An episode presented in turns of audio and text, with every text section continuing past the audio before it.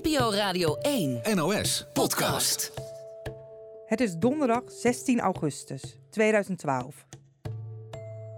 Hoogzomer. Om half elf 's avonds klinkt in het Groningse dorp Middelstum een vreemd geluid.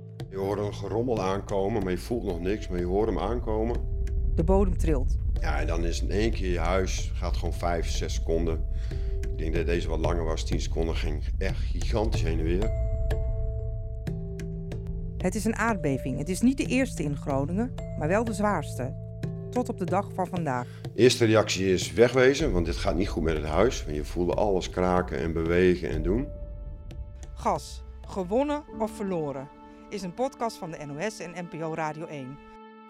Het is heel merkwaardig om dat te voelen. Niet alleen de, de trilling zelf, eh, maar ook de, de vaste grond onder je voeten, ook, ook in psychologische zin verandert er wat. Je proeft hier bij de Groningers toch wel heel duidelijk het eh, sentiment dat het wel lijkt of eh, de rest van het land dit deel van de wereld beschouwt ja, als een soort windgewest, als een binnenlandse kolonie die er niet echt bij hoort, waar je niet zoveel aandacht aan hoeft te besteden. Je er eerst voor vele honderden miljarden euro's aan gas uit de grond hebt gehaald. Over geheime afspraken tussen de overheid en de multinationals, over hun samenwerking, wanhopige gedupeerde, gefrustreerde onderzoekers en over de vraag van wie is het Groningse gas nu eigenlijk?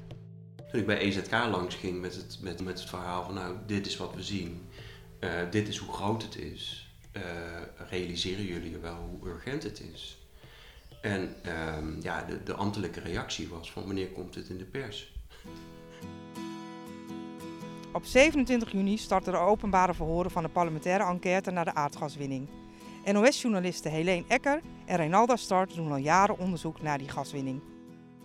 Gas, gewonnen of verloren, is te beluisteren via je favoriete podcast-app. In grun